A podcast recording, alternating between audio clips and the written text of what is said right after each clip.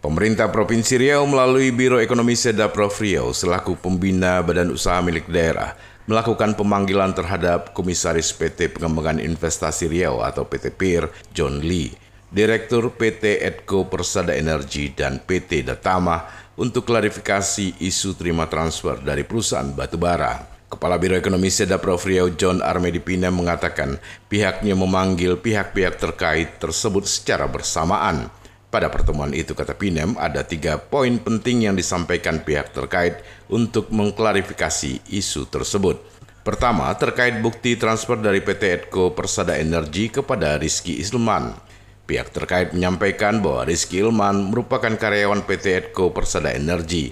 Jadi menurut Pinem ini merupakan transferan dari perusahaan ke karyawan dan uang itu digunakan untuk operasional penambangan PT Edco Persada Energi di lokasi IUP PT PIR di site Pranap yang merupakan cabang wilayah kerja PT Edco Persada Energi.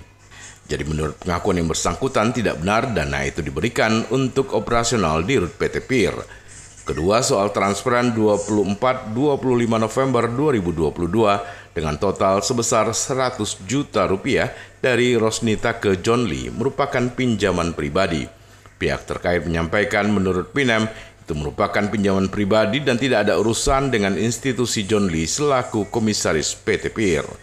John Lee juga menunjukkan chat WA-nya pada November 2022 bahwa ia meminjam uang dari Loleng Ketiga, soal transfer uang ke PT Rewai Internasional. Pindem mengatakan ini untuk pembelian produk kesehatan dan uang bukan digunakan untuk komisaris PT PIR. Yang kedua, terkait dengan transfer pada tanggal 24 dan 25 November 2022 dengan total sebesar 100 juta rupiah dari Ibu Rosnita kepada Pak John Lee itu merupakan pinjaman pribadi dan tidak ada kaitannya dengan urusannya ya dengan tusinya Pak John Lee selaku komisaris di PIR.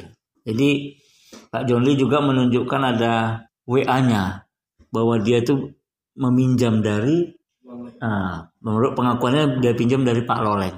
Nah, kita nggak tahu artinya itu itu menurut pengakuan Pak Yoli dan dia dan menunjukkan chat WA-nya pada bulan November itu bahwa di situ ada tulisannya pinjaman. Nah, yang ketiga PT Edco Persada Energi mentransferkan uang kepada PT Riwai Internasional kan itu kan untuk pembelian produk kesehatan dan tidak benar uang uang digunakan untuk komisaris PT PIR. Ini pengakuannya nih. Jadi kan tadi kan ibunya kan sudah kita tanyakan juga, ya kan?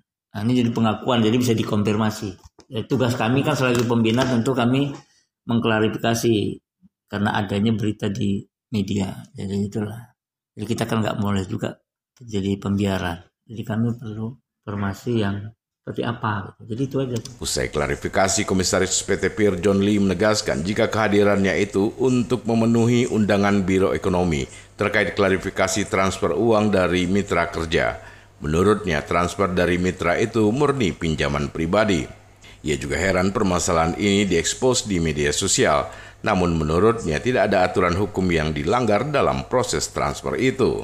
John Lim menduga ada pihak-pihak tertentu yang ingin mendiskreditkan dirinya, apalagi sejak dirinya menjadi komisaris, dividen PT PIR terus mengalami peningkatan.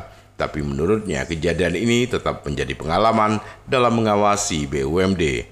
Prima Ermat Tim Liputan Barabas melaporkan.